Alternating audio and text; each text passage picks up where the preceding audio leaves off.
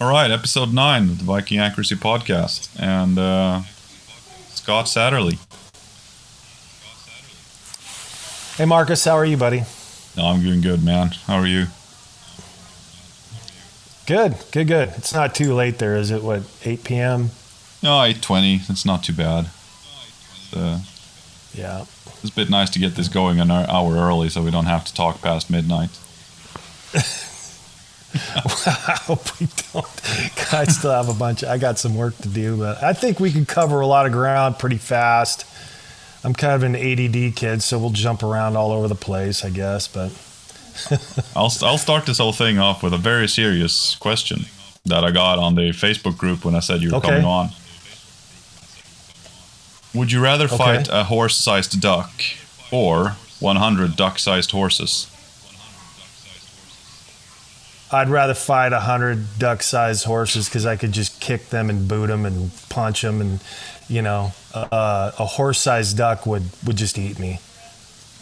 Uh, that's uh, that's true. No, it was just the first question that came up, and I laughed my ass off reading it. So I figured it'd be a pretty funny thing. like when you go on a shooting forum, it's like, "Hey, I'm going to have Scott Satterlee on the on a podcast here. What, what do you guys want to know?" And it's like that's the first thing that came up. Yeah, ask him if he wants to fight an 1,800 pound duck or a hundred three pound horses. Yeah, I don't know. That's pretty easy. That's pretty. That's that's pretty easy. I mean, it's fucking I'll just break their little necks, no problem. yeah, but fuck, imagine an 1,800 pound dog. Oh, I know. I mean, holy cow, That'd be pretty terrified. that'd be rough. Dude, that would be like a, a miniature T Rex.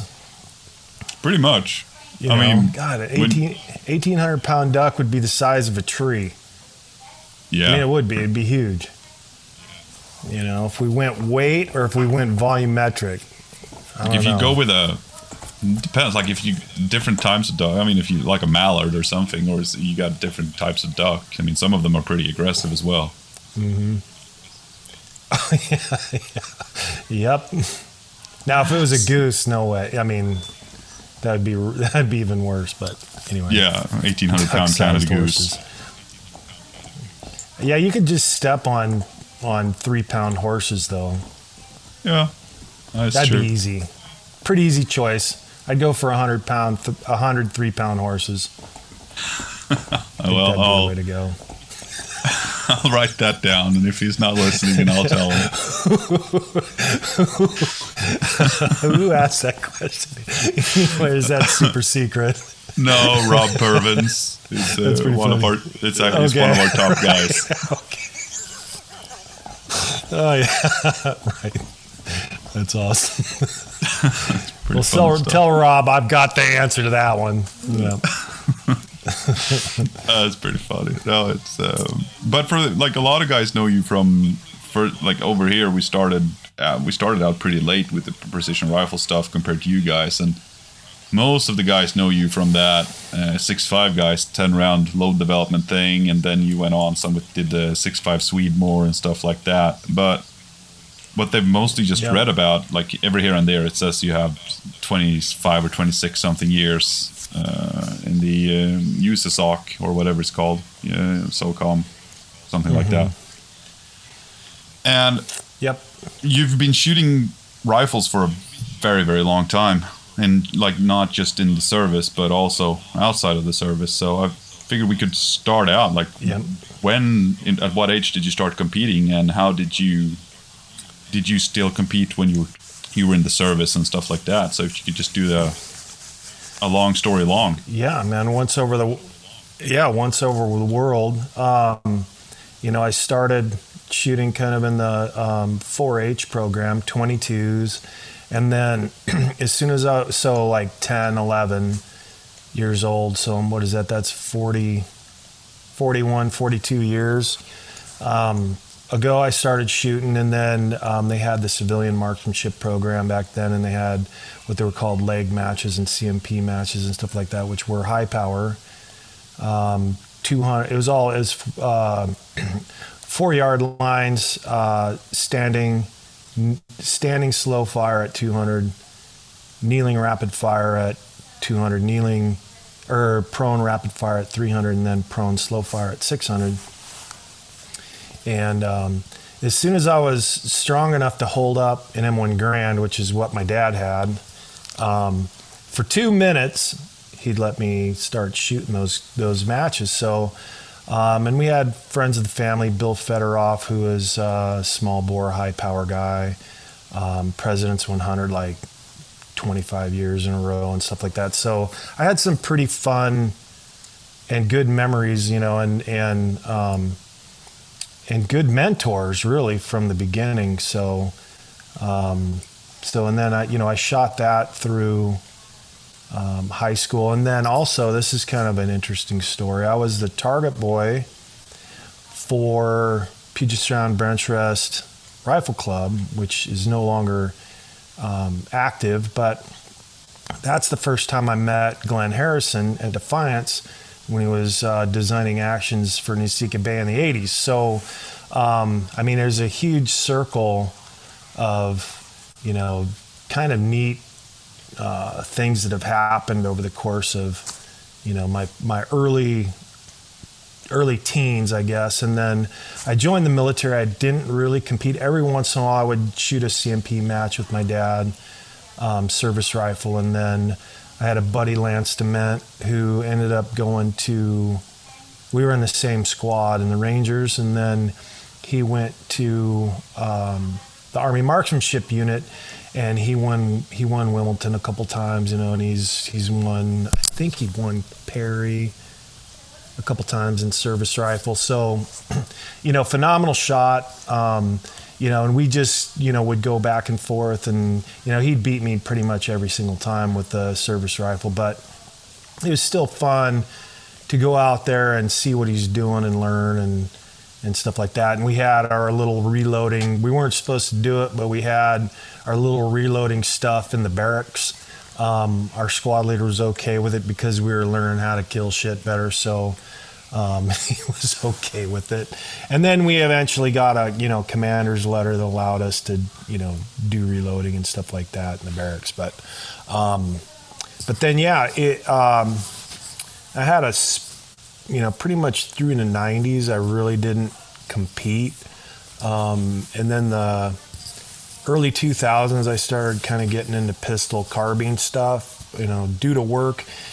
Um, we had a couple guys there that had shot, you know, like early um, Soldier of Fortune type matches and stuff like that. So, um, and we had in the unit I was in, we we had you know pistol, carbine, and shotguns. So, I mean, while the shotguns weren't, I mean, they were like little breaching shotguns. We still used them.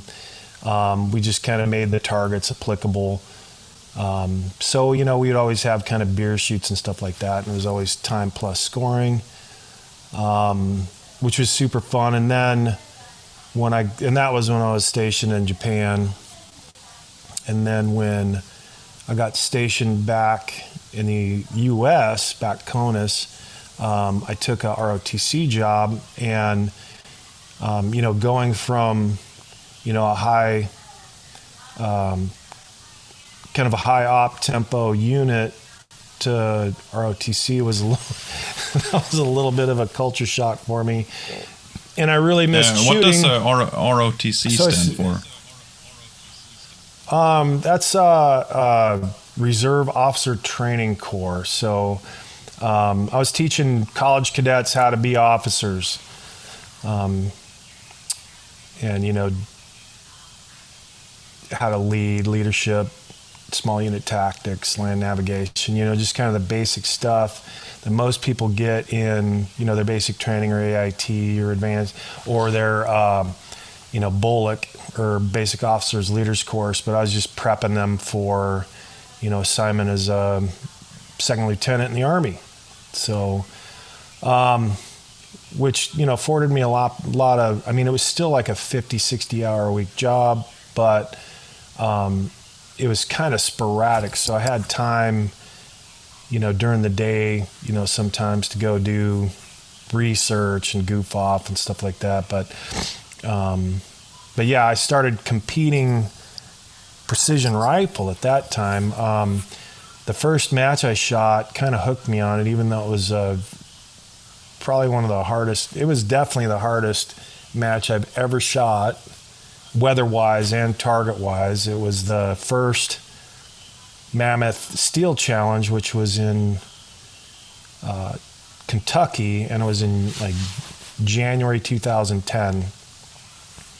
And uh, it was, I think it was like 20 degrees or 15 degrees, blowing snow. Uh, Joe Harris was a match director. He had us milling targets on the clock, um, and the targets were painted white. And you know, there was snow. I mean, it was. You could go back and look at some of the Mammoth Sniper Challenge archives, and and I mean that that was the first meme war I've ever seen. It was just absolutely hilarious. Um, but the yeah, the winner of that match, I think, was Patrick Morris or Dustin Morris, um, and they hit 29 targets out of I don't know, maybe 200.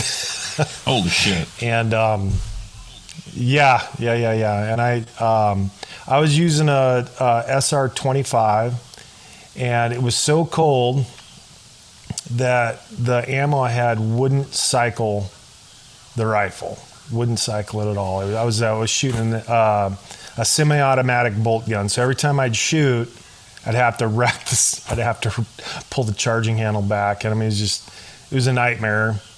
Uh, but then I went and got some hotter ammo, and I started running like a gas gun on day. Um, because it was the way I had it set up was two rounds for two points for first round impact, uh, one point for second round impact, and typically there was four to five targets per um, per stage, and you could shoot up to four rounds per target. So at that point, I stopped trying to mill targets and I just guess, send one, and just adjust until I hit it. Um, and with a gas gun, I mean that's pretty effective. So I ended up hitting 11, 11 targets on day two, um, which I think propelled me all the way into like 23rd place. And then out of almost, I think there was almost 300 people at that match. And I think from about 50th place down, all the the last 250 people in that match hit zero, zero points. So I mean, it was it was a pretty it was a pretty rough match. But I don't know why it did it, but it just kind of hooked me on it. Um, and then uh, Tom Lancaster, Ryan Castle, and I decided to run a match that May. It was a team match in Cookeville, Tennessee, and um, super fun. You know, not a super difficult course of fire. To modern standards, the tar it would have been a ginormous meatball match. Um, but and then and then ever since then, it's just been. You know, I probably run either one to three matches a year, and then shoot in. Um, I think my busiest year was 2018. That was also the my my last like really competitive year. Um, 2019, I struggled a little bit. Um, 2020, um, I did okay, I guess, both those years. And then this year, I just haven't really shot too many of the race gun matches. Um, the the format, I guess, for me is just kind of getting a little stale, and the the evolution of the rifle, it's just by itself is um, doesn't make any sense to me anymore. In order for me to be competitive, um, one, I'd need new eyes. Two, you have to have some sort of tiny six millimeter variant with a 20, 20 plus pound rifle. Um, and that just doesn't make that much sense to me anymore. The rifles evolved past daily functionality. Um, so at that point, it's kind of like, you know, I got, I still have a couple of match guns, but most of the time they sit on my garage floor until I'm, you know, until I'm ready to go shoot a match, and then I do, I just load up my standard six Creedmoor load, see if it shoots, and then go out and load up a bunch of it and shoot a match. I don't really practice for it anymore. Um, I do like the one day matches. Um, for a number of reasons. One, there's a bunch of the one day matches really close to where I live. You know, close being a two to three hour drive. And, you know, in order to be really competitive in one of the series, you got to, you know, have three good matches, which, you know, that takes me five matches to have three good ones. You know, some guys can go out there and win everything they, they shoot. That's just not me. I have to kind of game it a little bit and, um, you know, uh, figure out which matches I'm going to go to to do well. Um, and I know a lot of guys do that, and I mean that's just part of the game. So um, at that point, I just don't want to spend. Well, you know, we have two matches here in the north, and there's a huge ge- geographical disadvantage to where I'm living, where um, we have three matches within an eight-hour drive. Everything else is a plane flight. The next you know, because it, it doesn't represent itself very well on the U.S. map. I don't know who did that, but um, where I live to Denver, Colorado is halfway across the country. It doesn't look like that on the map, but it's a 20 hour drive. So um, it's closer for guys in Missouri, Tennessee, and Kentucky to drive to Denver, Colorado than it is for me, which that sounds really weird and bizarre, but that's just the facts of it. So, as far as ge- geography goes, it's really tough um, to be hyper competitive and shoot a bunch of matches when you live, you know, either in the Northwest or even the Southwest for that matter. The guys in California, NorCal, um, and Southern California. I mean, you wouldn't think, oh man, it's one state, but those guys are like 10 hours apart, you know? So, the guys in Nor- Northern California, it's almost it, it's almost an equivalent drive for them to shoot my Wyoming match as it is for them to drive down to Southern California. So, you know, the uh, the map, you know, if you're just looking at it passively, doesn't really do the distances a whole lot of justice. So, um, you know, you see, you kind of see the PRS, you know, is predominantly dominated by the Texas, Oklahoma guys and then there's quite a few you know southeast shooters that, that are, are rocking it as well but um, you know that's just kind of the that's just kind of how it's going right now but yeah i noticed that uh, i looked at the 20 um, the map the prs map for 2022 and there well i i, I do I, I did i do have a what do you call it i uh, lean towards the more mountainous terrain i do like to hike and be in the outdoors and that. I don't like flat ground because that's where I live. So I, I, I when I travel, I want to go yeah. up to like yeah, you know, north, uh, northwest up there, and looking at the match sh- schedules, yeah. doesn't really give me a lot of big match opportunities because you know Montana, Wyoming, that region, pretty much everything uh, west of Colorado, there's hardly any big matches at all, like for the PRS. Right, and I mean, some of that is because, um, you know, the the local shooters. You know, the the so up in the northwest, we have probably I don't know a handful, fifteen, maybe a dozen to fifteen shooters that are really serious about it, and they'll travel.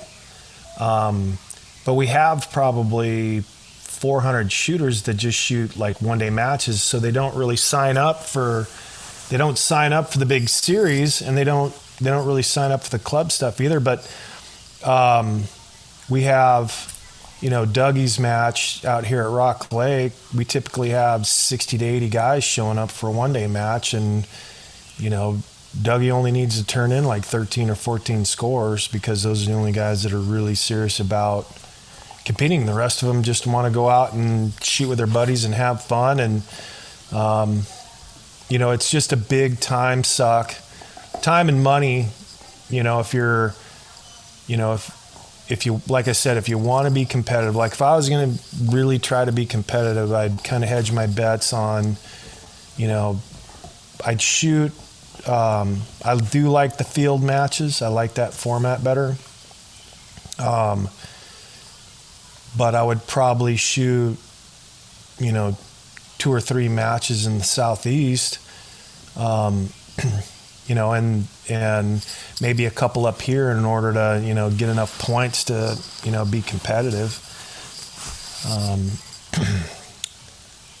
and then as far as the NRL goes, the race gun series is we're we're kind of soft on on um, participation out here as well. I mean, it just because of travel, it's just so tough right now with with COVID and um, you know components for us. I don't know how it is for you guys, but um, I think the last powder I bought was like Power Pro 4000 or some shit because that was all that was available.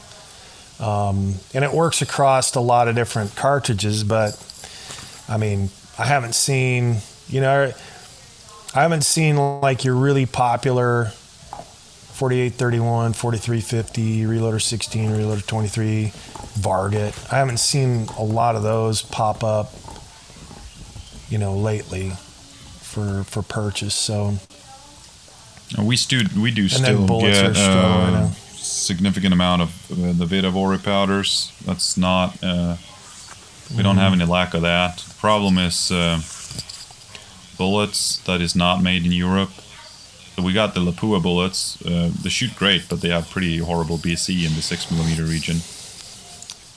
Uh, yeah.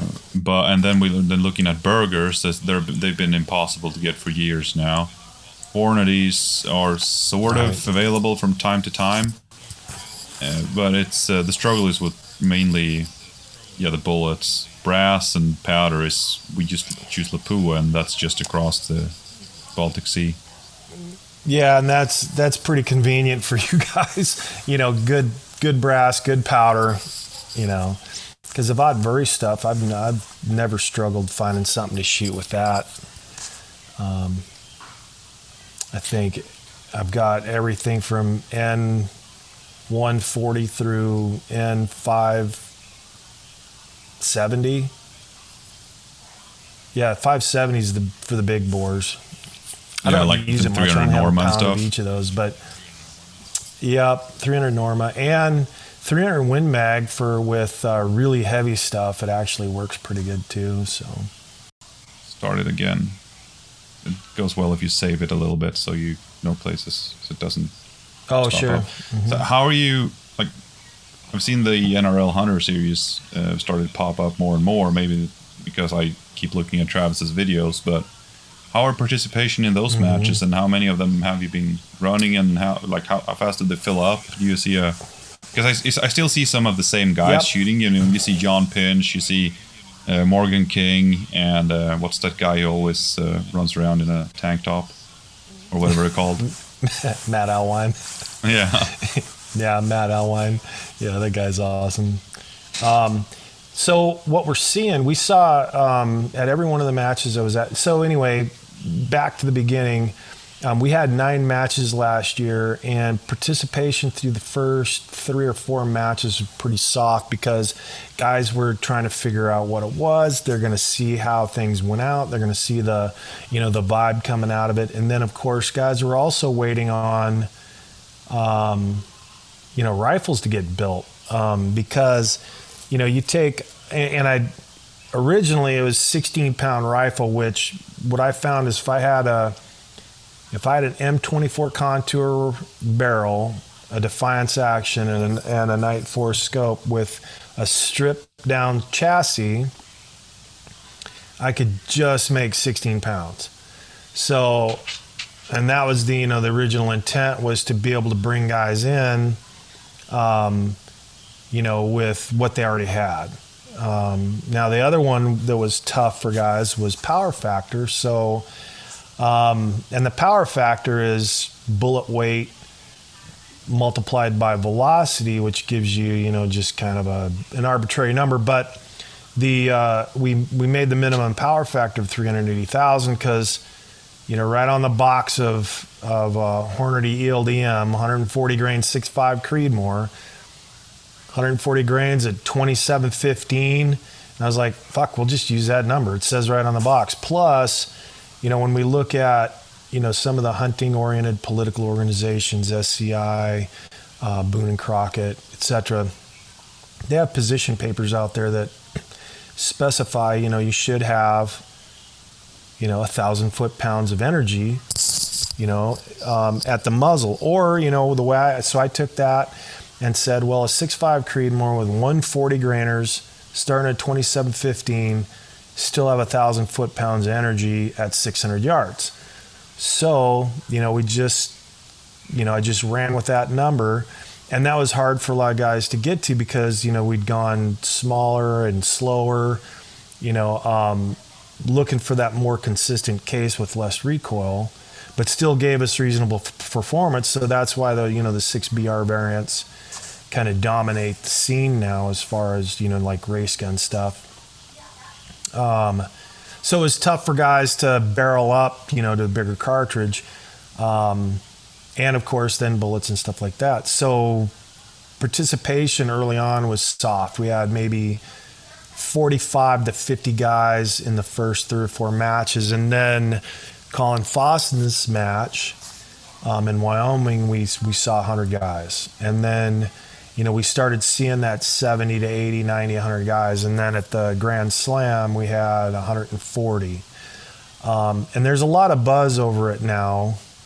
Um, we have 12 matches plus the Grand Slam. We expanded the we expanded the season by four matches, um, and the Grand Slam is going to be in Idaho this year, a little later in the year, um, before archery season starts. So um, August 20th. So um, we have a couple of new matches. We have a couple of guys um, that were MDs last year that didn't show interest in coming back. So um, we have 12 regular season matches and one championship, and that covers 13 different states.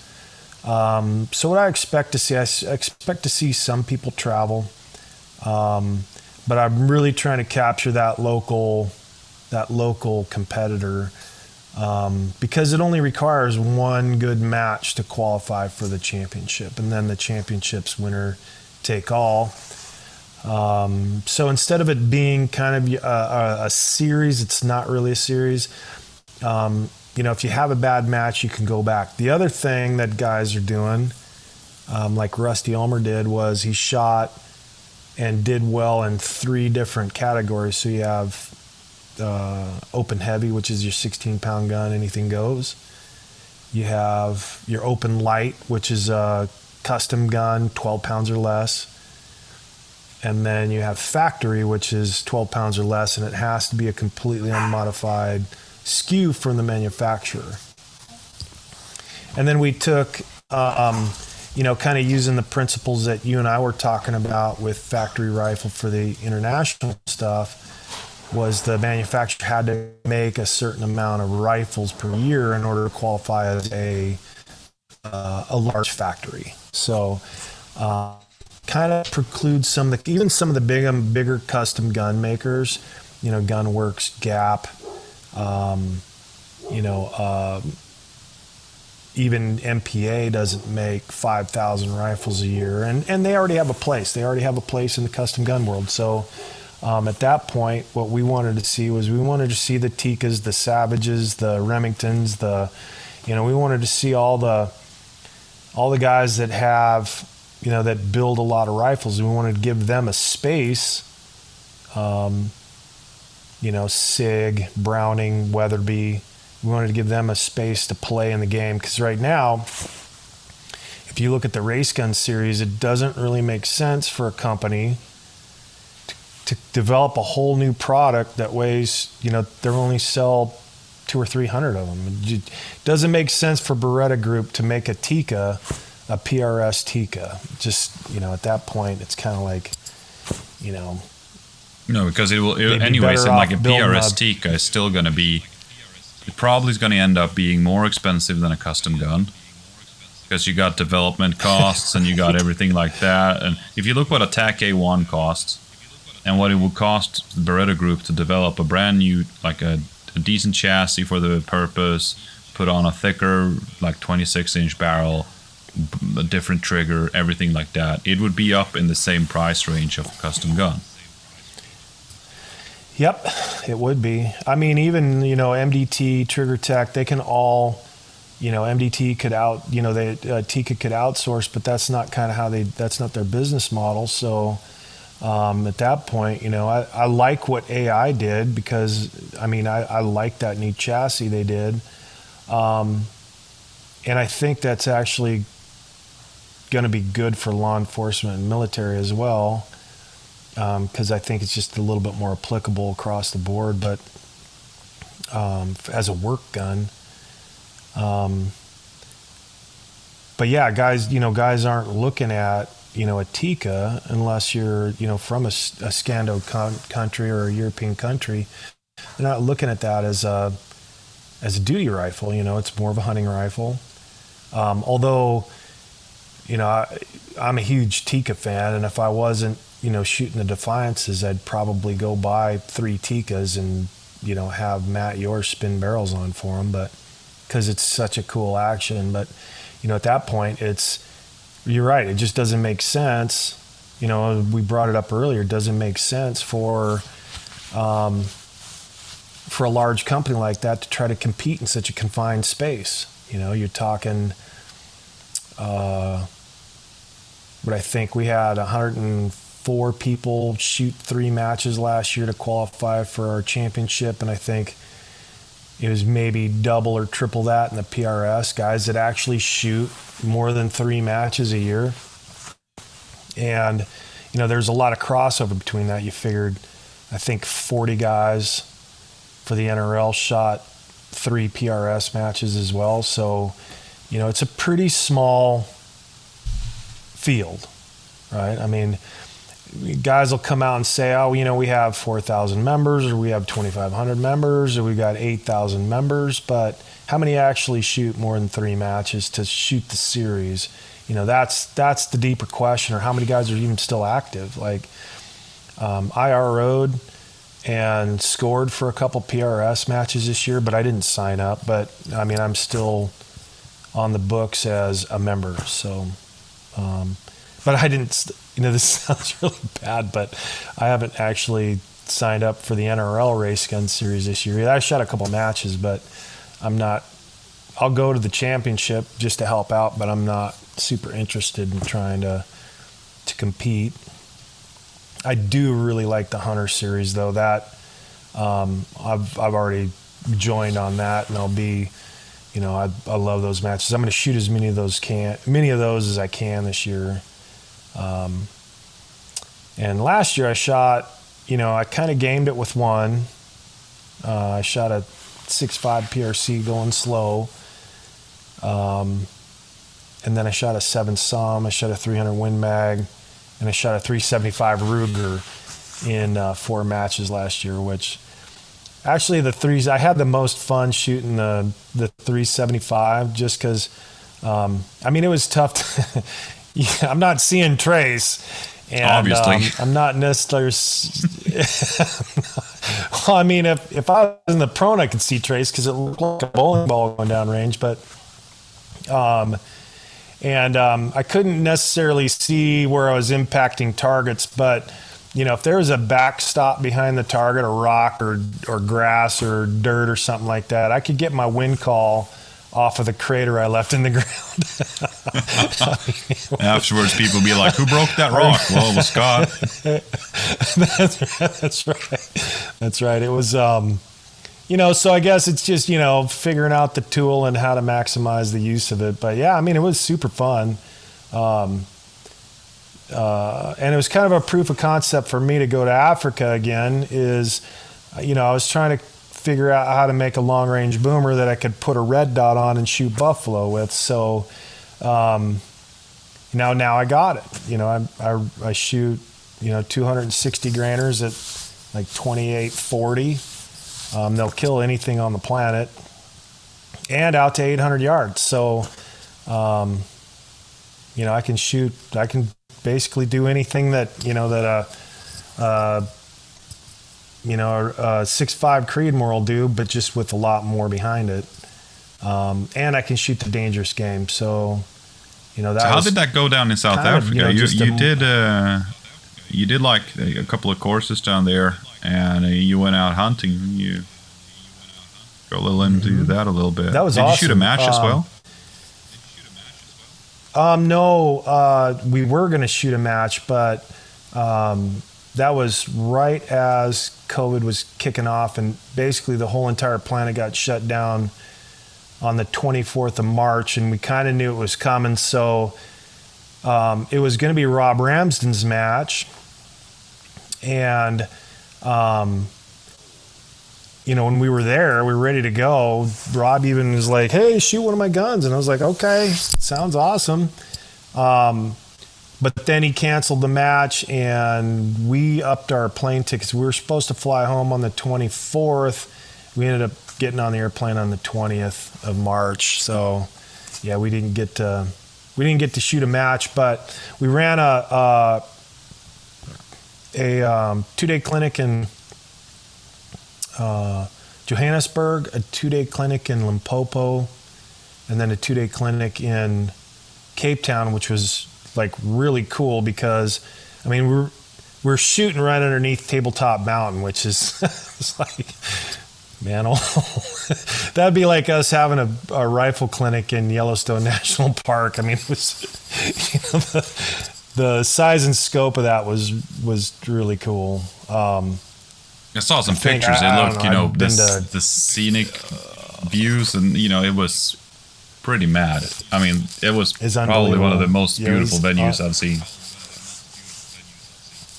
It's the most beautiful venue I've ever. I think second, a close, not even a close second actually. The the Q Creek Ranch that we used to be able to have the uh, Nightforce match on was just the size and scope of that place. You know, being this basically the size of Rhode Island um, as a as one continuous piece of property was absolutely insane, the size of it. But um, and then there's some really scenic views with the Shirley Mountains right there. And then I think Chaz Bales match, um, his PRS match in Montana, is probably like the third most scenic place because you're on the eastern slope of uh, the Rockies, and you're looking right into the at the Great China Wall along um, in the Bob that Devil, Devil's Brigade match up there. The Devil's Brigade match, yeah. Um, I just feel bad for Chaz because that that match is just a bear to set up because you have to hike everything in. You can't go driving around with a ATV, so. Um, it's just a it's just a tough match logistically, but it's currently it's the most scenic one that you'll you'll shoot at in the states for sure. So like he'll go into setting up the match be, looking like, like, a normal guy and coming out looking like a 800 pound horse with his legs. well, no, he'll get skinnier. right. I was um, just thinking about the legs yeah, carrying I mean, all those steel out there, man. Dude, yeah, mad. Yeah, because I've seen the I've seen the footage I mean, from that place. Bear. I, goddamn, hiking that place and putting all steel out there. Yep. Yep. And uh, but he's he's he's learning quick. So now most of the targets are pretty close to a road. One, they're a little easier to find for the shooters, and two, they're a lot easier to put up and tear down. But he still has quite a few that are just out in the middle of like. Uh, you know, and, and I know you've set up matches. I've set up matches, and I look at a target location, and just went, I wouldn't have done that. Yeah, I do that all the time when I go to places and shoot. It's like, fuck that. I'm not doing anything like yeah. this. That's right. I'm going to make it a little easier on myself. It might be a little bit more boring, but you know, I don't yeah, want to take like, a whole week. You know, like one of the high, stages we had. Take a whole day. Yeah. Yeah, like, like last year, uh, at one of the bigger. No, no, this year, early this year, we had one of the better matches. Like one of the last stages of for us uh, was at um, it's like a thousand yard stage, two targets, uh, one size, well, one mil target and half mil target. And you started looking, I was like, how did they get those there? And it's like, okay, so you walked down a, a hill, walked over a swamp, and then walked uphill with a, like it wasn't like it, the targets with a 35 inch target. Yeah, exactly. yeah, no, yeah. Unless it's quarter inch, and even then, it's going to be freaking heavy. Still pretty heavy. I think. Uh, oh man, oh yeah, yeah, super heavy. Even the half mil. T- I mean, a, a, a 36 inch target and quarter inch steel would be like 80 pounds. Uh huh. With and then you'd have three to eighths, it would be carry that over there like a thousand yards there and go back and get the next one. Yep and then the hanger, and then the the the post, the stand. Yeah, that's like four trips back and forth, easy. Could, for one target or two targets, yeah, yeah. I know it, it was a Worth good stage. It, I we guess, had a good, but, yeah, we had, it uh, was the, probably one of the better stages of the match. We thought we had a hell of a good time, and hopefully they can just lead the targets there until next year. If not, I feel sorry for them. Yeah, yeah, that might be donated to nature. You know, I've uh, I've done that. fortunately, fortunately the yeah, fortunately the uh, uh, Casey Tillard at the Tillard 55 Ranch lets me leave my steel up. I have to go find it um, because even though you know summertime actually is pretty stable weather there. Um, you know, You're you talking about the from the Nightforce match now at Tillard. the Nightforce match. Yeah, um, I mean it's surrounded by wind farms, so you have a stable, you know, typically 13 to 20 mile an hour in the wind in the summer. Sometimes you'll get higher, like the two years ago, our match. I think we had a 33 mile an hour sustain with like a 60 mile an hour gust, um, multiple 60 mile an hour gusts. But um, this year, uh, the hit percentage was about the same, and we only we had a stable like 13 to 15 mile an hour wind, which is really light for that part of Wyoming. Um, but in the wintertime, you can get, you know, sustained 60, 70, you know, 80 mile an hour wind out there. And, and so those big animal shaped targets um, will get bent, they'll bend the T post and get frisbeed by the wind out there. So I typically go out, have to go out there and find at least 25% of the targets that are, you know, just completely blown off the, you know, and you can see them too. The, the, the T posts are just bent almost to the ground. And you're like, okay, well, at least I know the direction of lick. The way those, those T posts are pointing is probably the direction that the target flew. So That's Um, pretty interesting, though. Was yeah, it I the mean, first those- year you had that Tillard those- that Tillard ranch that where the wind was insane?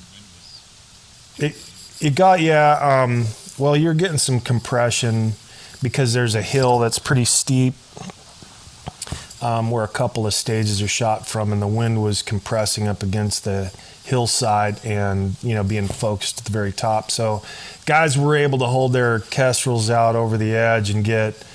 I think it was 64, 65 mile an hour winds, but um, yeah, it, it was still 30, 33 to 35. If they held 60 mile an hour wind, they were going to miss by by mils.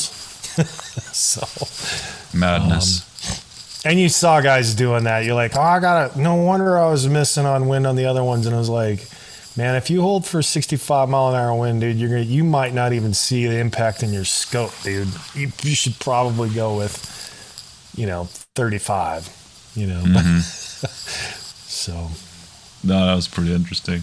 But if you're looking But- at, because I've, I've looked at but yeah, it's the whole format of um, of the Hunter series, and I, I wanted to do something similar in Sweden as well, because I do like the whole unknown distance thing, because that's where I come from with the field shooting matches that we have.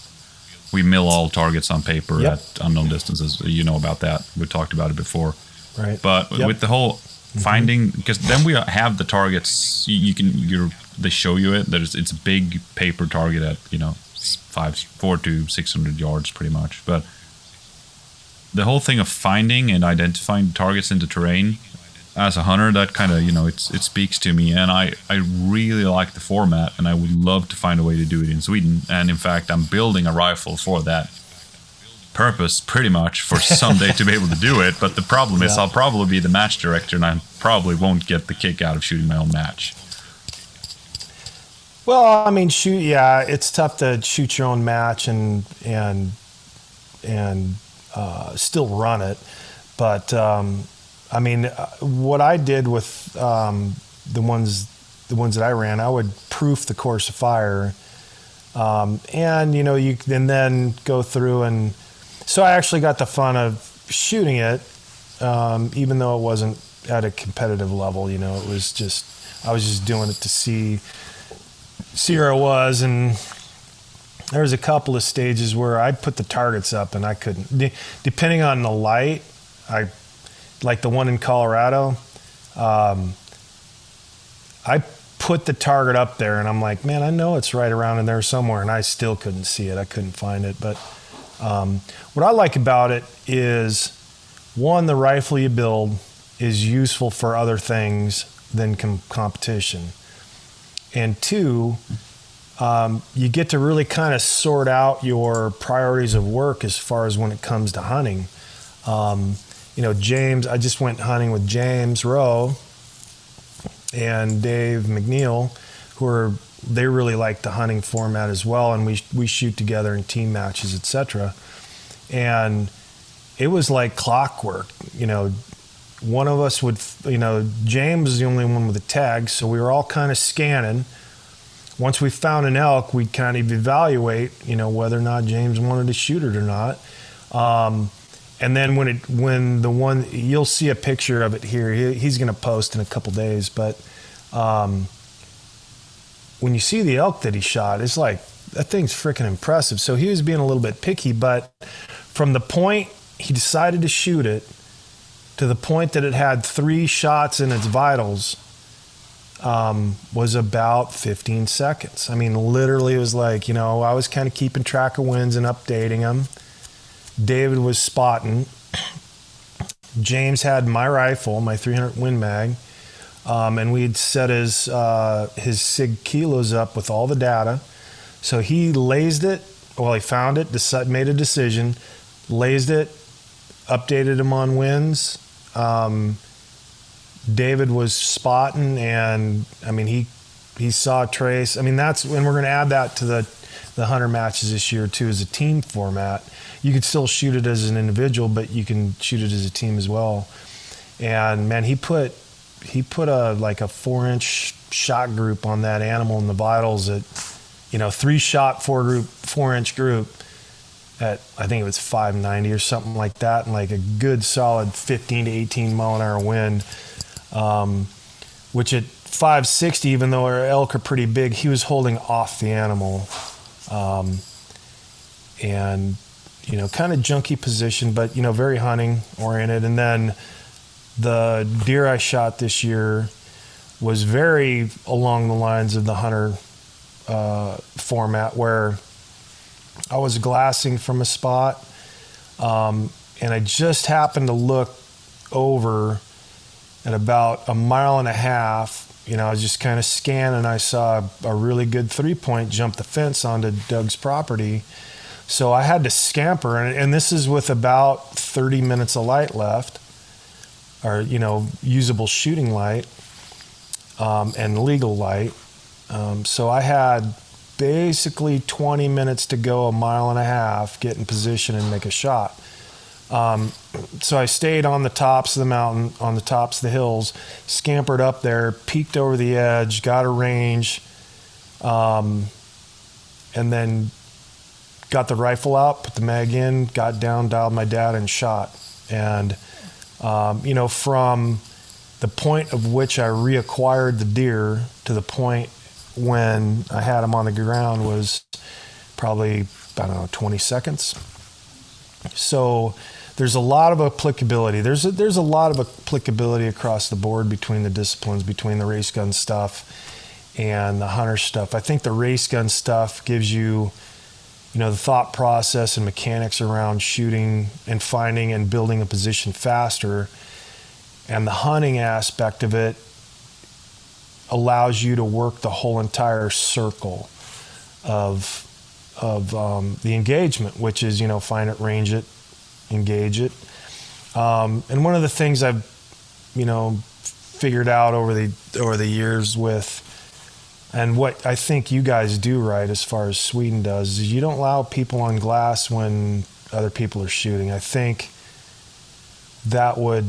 I don't know if we're doing ourselves any favor by because you know in the race gun format now it turns into a team sport or a squad level team sport where if you're not the you know even if you're the first shooter you got you know if you're in a good squad you guys are going to talk about the win what are you going to do this is what I'm going to do. And with a competent shooter, and you're on glass behind him, you can be like, yeah, he he definitely held four tenths. He held just off the left edge because you could see the trace, and then you could see where he connects with the plate. And you know, if the plate swings left, well, he didn't need four tenths. He only needed two or three. The plate swings right, well, he probably needed five or six tenths. And at that point, every time you're able to see somebody competent shoot before you on a stage, it's worth at least a point. You know, so you add that up over over um, you know 20 stages, and all of a sudden now you're you know you're at you know plus 12, 10, 12 points or 20 points than if it was blind. You know, if you weren't able to be on glass when somebody else was shooting. So, um, in some ways, I think you know that well, it helps some guys, it hurts others. Um, because yeah, I get I get what you're saying. Uh, like a, gu- a good group dynamic sure helps a lot with the for the for the shooters. We've, we've recently actually gone over to being uh, allowing people on glass because that's for like for the, the purpose of being able to practice for the world championship. Uh, right. Right. But as soon as um, that, if we ever go with that not being allowed at the World Championship, we'll probably scrap it the second it's official because that's not how we've done it. Uh, and we, even though we've only done it for like this year, and I, would say that as you said it, uh, the, the best thing to add points is to have a good group dynamic and good conversations within the group. But like adding the glass aspect yep. to it, it, it, it gives it a, an additional extra few points over a match for sure. Yeah, absolutely. Yeah, maybe not just a few, but you know, quite a few. Yeah. Um, you know, because I mean, you know, uh, so you know, I stopped in 2019 and 20. I kind of, um, you know, I made a conscious decision to not shoot with the God squads and and just be kind of, you know, put me with people you don't know. And maybe once in a while, I'd, you know, I'd shoot with Kevin Ditto, Mike Lilly, you know, guys I knew, at least two or three guy, good guys in the squad. So we had it figured out. but it definitely made a difference in points, without a doubt. Um, so, um, you know, no, like like it, as I said, know, a good group a dynamic bit, it helps a lot. And like it's more more than you'd think. Just oh man, usually even if I go into a squad where I don't know a lot of people, maybe just one or two guys, uh, like you, I start out pretty early on by talking to everyone and just making sure like that that we have a conversation mm-hmm. with each other going through the match and explaining to them the importance of that conversation for everyone's performance. Like if we all just sit down and don't say jack shit about anything, we're all going to suffer because there's the next group is going to have that conversation and they're going to discuss stage like mm-hmm. preparation. How are you going to tackle that barricade? Yeah. how are you going to do that? I'm going to do four tenths. Oh really? I'm going to do six and back and forth right. like that. And maybe they'll it, it gives you points in the long run over a match. It, it makes the difference oh, to yeah. have that com- those conversations. Yeah it does. I mean you can tell um, you know, one by name and one by how, you know, how hot a guy is. But you can tell, you know, within, you know, three or four guys who's going to have a good chance of winning, you know, just by kind of who's in the squad, you know, because you know, a lot of guys work together super well. Um, they're already good shooters, so, you know, you give them a one point advantage um, that goes a long ways. Um, and I'm not I'm not saying there's advantage, and I'm not saying guys are are not or wouldn't win if they didn't if we weren't able to do that because the same guys would still win. It would just be, um, you know, maybe the hit percentage would go down a little bit, but I'd like to see random squadding. Um, mostly be, not because I think there's an advantage out there. I don't think that at all. What I think is I'd like to see the random squadding because then guys that don't get to shoot with Morgan King regularly or Scott or Jake Vibert or Nick Darzi, they'd have an opportunity to shoot with those guys and they'd get to see what they do and they'd get to learn from what they're doing right? Because most of those guys talk about what they're going to do, and and most of them are, more than helpful. You know, like, hey, this is what I'm this is what I'm planning on doing. You know, this is how I'm going to tackle this uh, barricade. This is the bag I'm going to use. I'm going to use tripod. I'm going to use a, you know, um, tripod and rear support. I'm going to put my bag right on my my my uh, tack table and shoot off of it.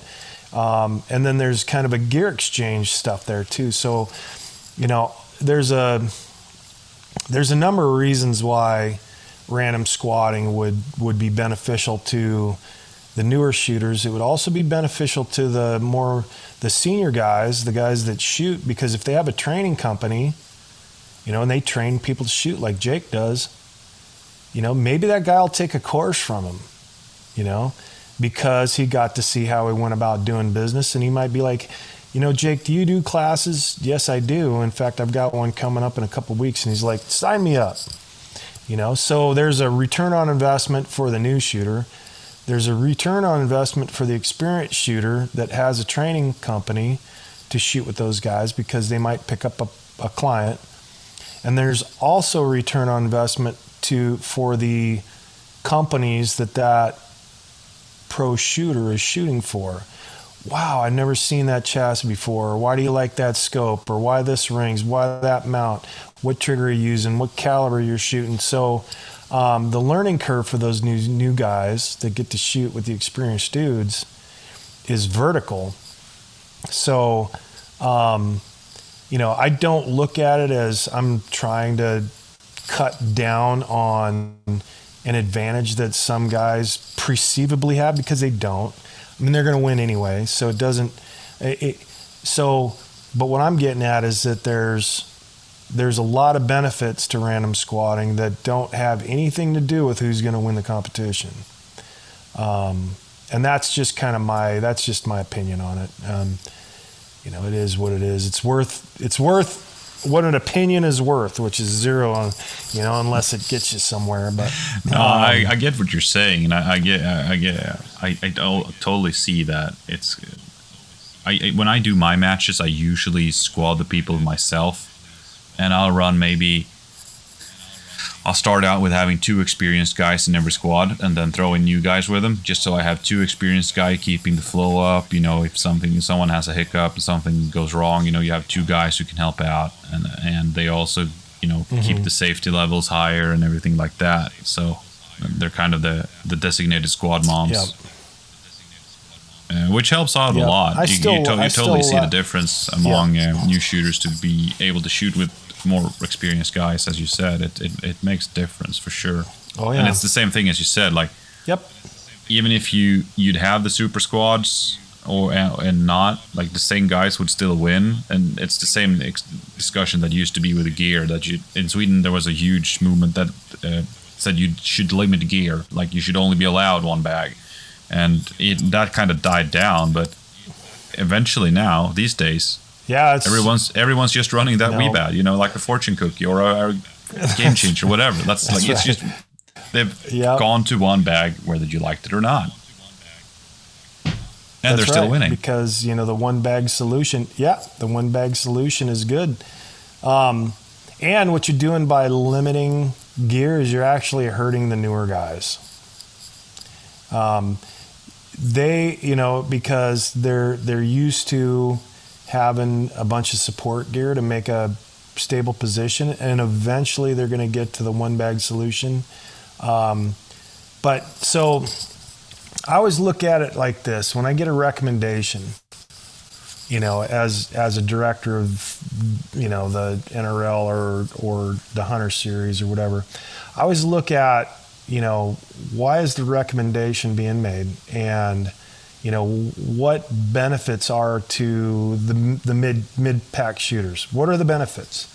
You know if and, and typically it's really rare i'll just put it this way it's rare for me to hear a recommendation that actually helps the mid-level shooter.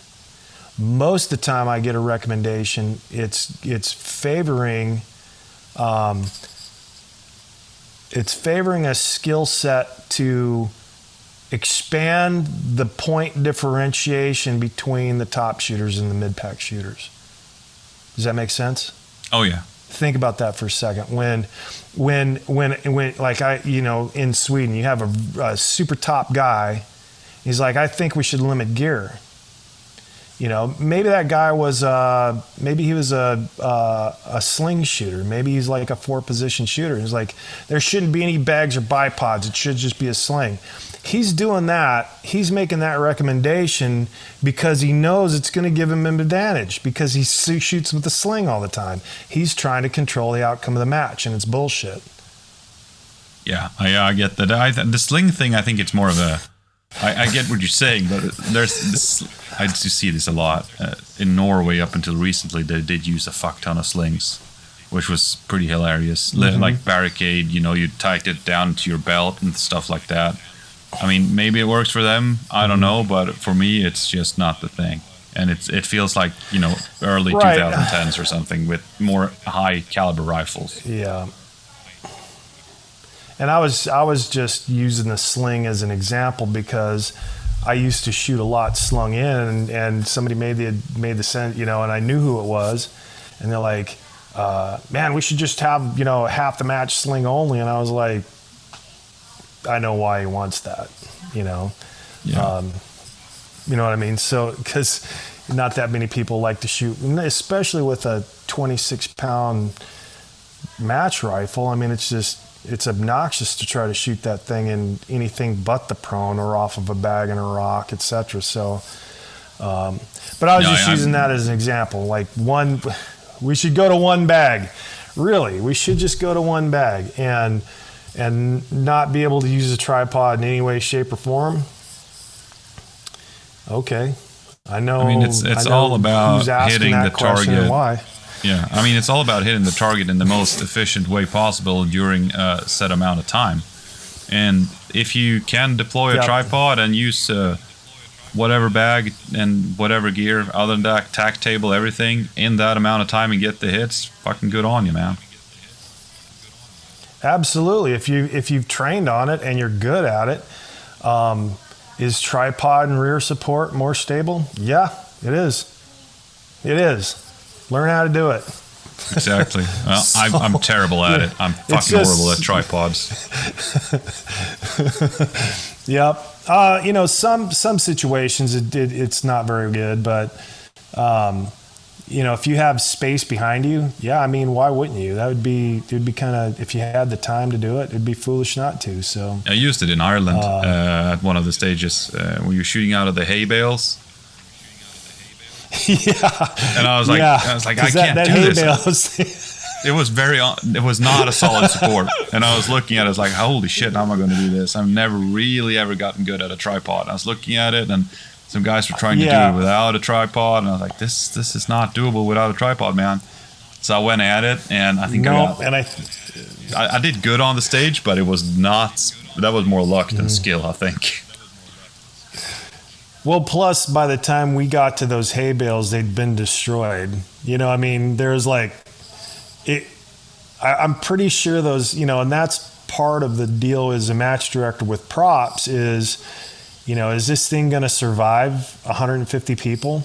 You know, with you know digging their tripod in on it, you know, on hay bales and stuff like that, and um, you know, sometimes the answer to that question is probably not or no. And at that point, you're, you know, is the course of fire fair or the same or close to the same for everybody, you know? And I think you guys were right in front of us and we were the last ones to shoot that thing. And that, I don't, I don't know if that hay bale survived our whole entire squad. I think it fell apart. so, yeah, it wasn't structurally sound you know, by the time we got there.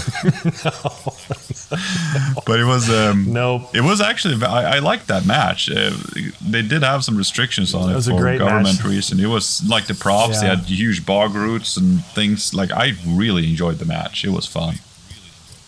I did too. I enjoyed the match. I you know, and plus Ireland is just a cool place to be. I that's on my bucket list your your country's on my bucket list. I'd like to go. I'd like to go back to Ireland, UK, and I'd like to see that Scotland place. That looks amazing. I want to go up to Sweden.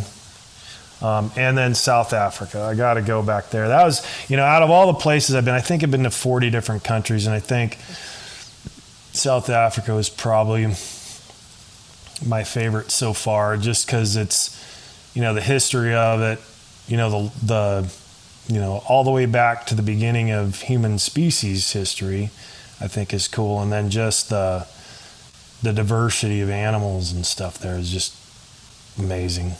People Yeah. are good. The food's good. Yep. no, it's a place to go. Hey, I thought need a- Johannesburg was. Yeah. Oh, you're saying what? Johannesburg? Johannesburg had a cool. Uh, yeah, yeah, it had a cool vibe. Um, mostly because it's like, wow, I haven't felt uh, this insecure in a while. was, but you know, with uh, That's fucking saying a lot, man. you know, but, yeah, right. I was like, hmm, wow, armored cars. You know, people driving in armored cars. Um, Where's my stubby AR? I was at yeah, shit, right. I was at Grant's house, and they, I mean, they had, uh, you know, a. I knew exactly what was going on when I was going down his driveway. It's got ten foot tall, you know, triple stand concertina wire fences, cameras, and it's a, it's a, it's it's a hundred yards long. And I was like, mm, yeah, fatal funnel. you really got to want to be on his property, and he has to know you're coming if you're going to have a chance. So that's, I, I was like, hmm, this is a pretty cool. I like how he had it set up defensively. I was like, this is pretty badass, dude. He done his homework. oh yeah, yeah, yeah, yeah. He's he's no. Uh, I think he builds armored cars. So yeah, he's in the defense industry. So yeah, he he's switched on. He knows what's going on. Yeah, I, I remember. Like, I think it was. But uh, soon- I was talking about to Rob about going up shooting a match in Joburg like last year or something, or before that, and he said you can just stay up there with my friend Grant, and he's like blah blah blah. This was before the IPRF thingies, I think. And he mm-hmm. started talking about that property and how he had it set up and how we can just drive around with him and his armored cars and everything, and we could just blah blah blah. And it's like, yeah, that's all fine and dandy, but what about when I leave that place? right? Yeah, you know, you don't just go sightseeing in Joburg, you know, not unless you're with somebody, not unless you're with the local, you know. yeah, Or or a good way like, to get disappeared. Yeah, exactly. Like, oh no, I, I, no, I was not very, you know, keen on going in, up to Johannesburg, to be honest. No, I, I, I, I thought Joburg was cool, but and then, but once you get out into the, once you get out into the uh, the country, I mean, it's it's really really cool. People are cool. I didn't feel unsafe, not even for a second. So at that point, you know, that's where you're going to go But sightseeing then, and go but, hunting. but then and again, Scott, anyway, like so- you not feeling unsafe with the background you got, saying that to a guy like me who's never done anything like this. I mean, I, I don't listen too much to it, to be honest. Well, I mean, I, I, I wasn't able to carry a gun. I mean, you know, if, I'd feel pretty comfortable if I could carry a gun, but you know, since not my country, I couldn't bring. You know, I don't have the licenses, et cetera, et cetera. I don't, you know, but. But even then, I think in Joburg or even some parts of Cape Town, I'm sure Rob will show you. Um, I wouldn't go there even if I had an armored car and a gun. So, I mean, but you know, 99.9 infinitesimal of that country is absolutely beautiful, and I mean, you don't have a care in the world. No, no. Except But what I was going to say earlier on was, I know I was uh, hunt- if you're going to do a course up there in Scotland and you need a sidekick, sign me up. Oh yeah, yeah, absolutely. And then yeah, so and then um, I remember I was hunting with um, I was hunting with Neil Becker at Red Sands Safari in in uh, Bela-Bela, and I was like, oh man, the hunting's gonna get good here in about a half an hour because you know the sun was starting to go down. He's like, no, we're we're going to the car. I was like, why would we go to the car? That I mean the everything's going to be coming out. And he's like, yes, everything's going to be coming out, including the stuff that's going to want to eat you. So I was like, oh, all right. Yeah, let's go back to the car. I heard that from a friend who went like down to Namibia also. he was to- totally oblivious. Like, oh, like, now that's the golden hour. It's the golden hour. Let's just stay out for a few, like one hour hour. It's like, no, we're heading back to camp. yeah, right. Yeah, we're gonna go get on the other side of the electric fence. yeah. Okay, I got It's like just like Jurassic Jurassic Park. The Yeah, coolest place about Neil's Neil's hunting concessions are um, they're so big. We'd go through the fence. I'd never see the fence again until we left. And I How many acres were that place? we walked. Um, the one we hunted for the kudu, I think was forty thousand,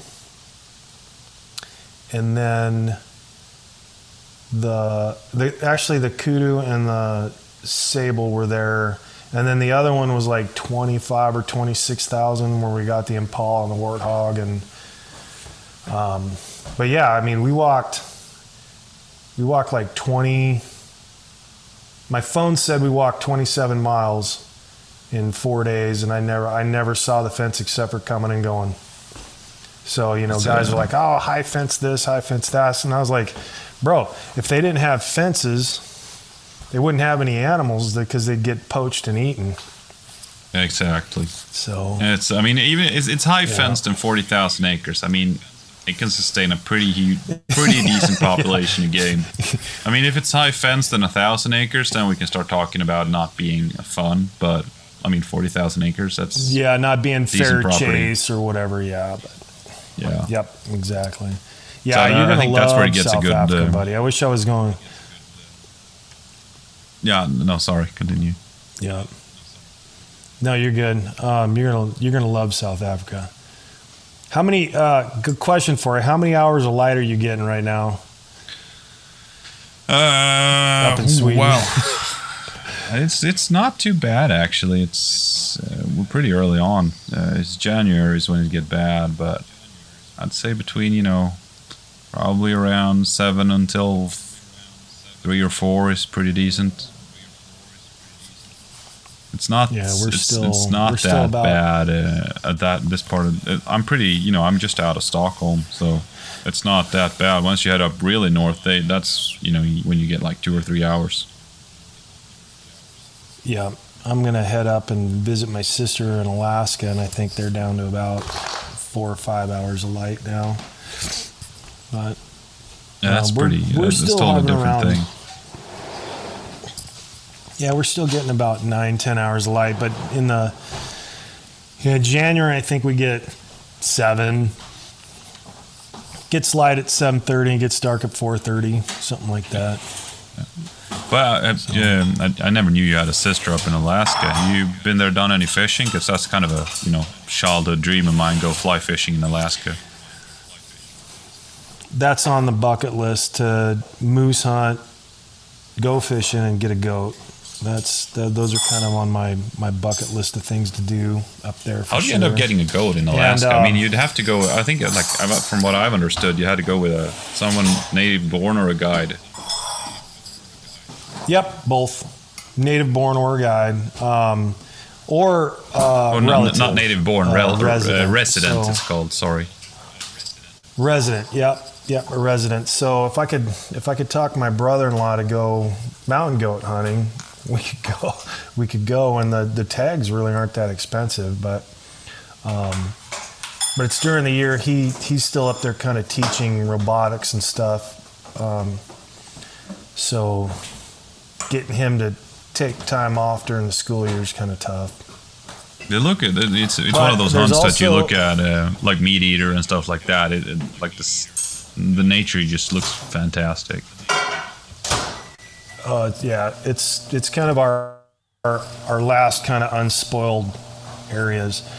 Um, you know, because most of the population centers in Alaska are on the coast, um, and then they're not super densely populated at that. So, you know, and Alaska's got a whole nother culture to it, which is really neat. Like, uh, they've got a big native population, and there's still a lot of culture. It's it's a lot like Hawaii that way, where you know they still um, you know there's a lot of really cool native culture um, and you know even the the cities have kind of their own vibe to them, like very self-reliant.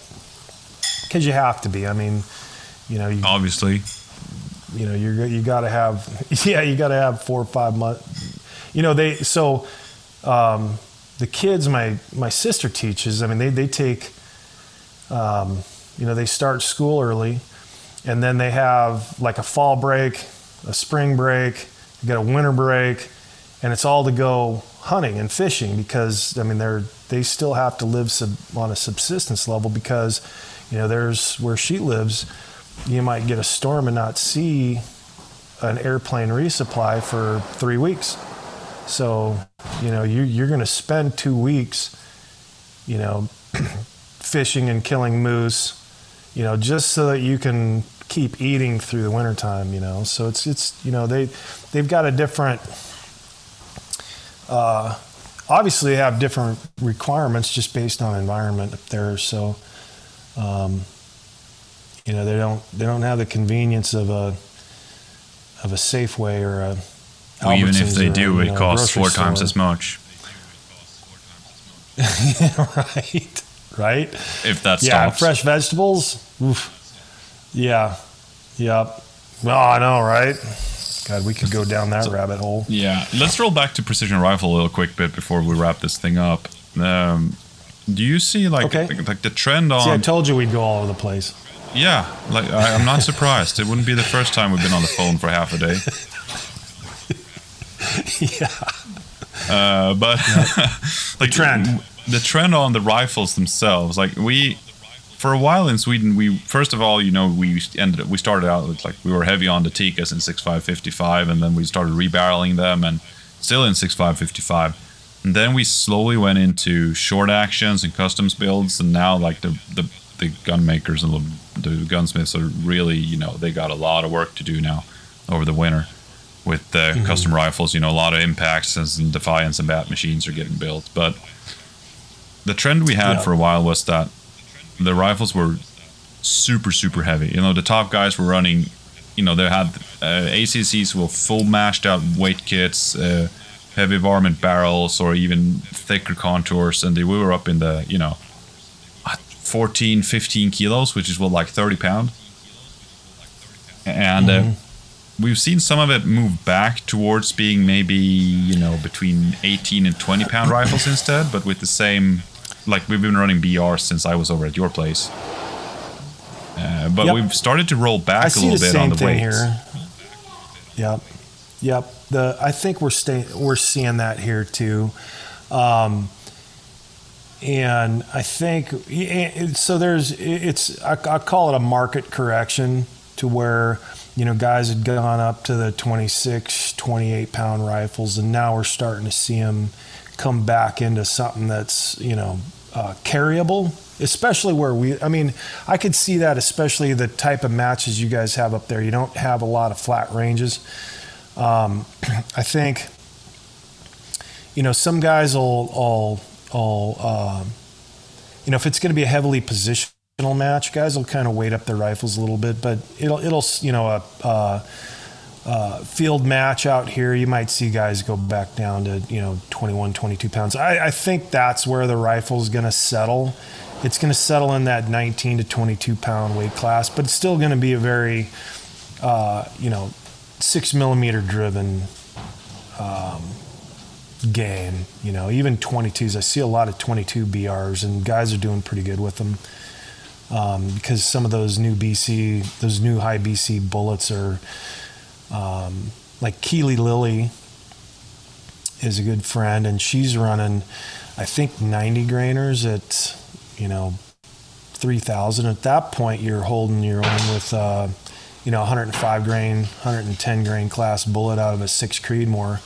Um, I think she's, you know, it's it's it's you're you may miss you know, a spotter or an RO may miss one or two impacts a match, but the the recoil impulse on a 90 grain bullet is a lot different than one on a 115 grain bullet with the same, uh, you know, with the same weight rifle. Um, you know, and then you do get, I think, a little bit better wind in the early part, you know, during the early part of the time of flight.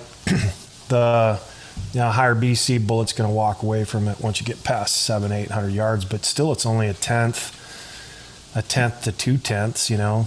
And, yeah, I, I, remember running 90, 95 um, Sierras when I went over to the Montana match and stayed with you there. And I mean, they that I don't know mm-hmm. what that long target was. It was like twelve or thirteen hundred yards or something. The longest one, like like a full size IPSC. Uh, it was a really yeah, long it was one. pretty far. I mean, I think it was. Yeah, well, I think it was in the thirteen. Chaz usually has at least one or two shots at, you know, thirteen. I think this year he even had one at. Yeah, but this was down. You know yeah, that the 13, three forks thing. It was pretty far. The thirteen eighty sounds familiar. Oh yeah, but, yeah, I mean, the three forks. But even though I, I 95s at that distance, spotter, I guess he was experienced, but he still didn't have a problem seeing the impact. Right. The the way um, the way he had the target set up though, they were they moved a lot. You know. Oh yeah, I think they they had it squared um, up in four pieces. Yeah. I think. Yep, and and everything was strap hung, so it moved. But if it was anchored in there, you know, semi permanent or off of a T post, you know, and, and it wasn't able to move around a bunch, you probably would have missed one of those. Maybe. But still, I mean, I'd, the points I got from having that set up at the closer distances, except from the whole spinner stage. but like yeah, apart that from that, I had an advantage. Stage. Yeah, for sure. Like double yeah. spinners yeah. and I, yeah. I don't know. I think unlimited round count. Yeah, you had to spin them twice, or, or mm-hmm. yeah. God, what was that? That was that was actually a fun stage. You had to try to spin them both. And then you could move on to I a think, target yeah, afterwards to, and something on it. Yeah. I think there was a, it was unlimited rounds. I gamed the shit out of that. I'd I'd, I'd shoot one. I I picked one spinner and then I'd burn one in the dirt. I mean, I'd try to hit the other one, but I'd just wing it over there, get close, and send it, and then get back to the the one that was moving. Got it spun, and then I was able to focus the rest of my time and ammo on the on the one I hadn't spun yet. It's, yeah. No, I had never seen a spinner in my entire life. I didn't know what the fuck to do. yeah. And everyone was yeah, just back rough. there laughing, and then Cloninger was uh, throwing out some funny comments at me. I was just giggling while I was shooting. It's like I don't know what the fuck I'm doing. yeah, Cl- Cloninger's awesome. Yeah. He's a funny man. Clowninger. Clowninger. Oh, yeah, Keystone. Yeah, he's super. Yeah. Yep. Keystone no. lights and a mullet. that that dude can freaking shoot though, man. Oh boy. I mean, even though like he shot the we we went out the, on Saturday night. We stayed up there at that. That was pretty hilarious. I think I got some clips of that on the film from that place. The Both Defiance truck were bla- was just blasting some kind of you know sleazy rock, and there was a huge cooler filled with beer, and we ordered the pizza, and we sat out there. Just you know, it was a blast. It was hilarious, and yeah. I was kind of took it easy on the bear, just three, four of them. Cloninger was just chugging him down. Mm-hmm. And I remember the next day on the morning, he just come there shaking, and I remember like this, like, oh man, I need dip. and he still shot pretty damn good, yeah, but he, he was shaking in like the first oh, six yeah. hours of that day. Yep. Yep. Yeah. Oh, that, uh, I need to come over for another that's, match. I think that's the one thing I think we do well here is you know we we take well, it seriously when we're shooting, but the um, but then you know in the evening guys guys get together and turns into a little bit of a party. But unfortunately, Scott's internet gave up on him. But if you like this podcast and would like us to talk about more things or just listen to Scott talk about something, just hit me up on social media of any kind and we'll make it happen. Until then, take care.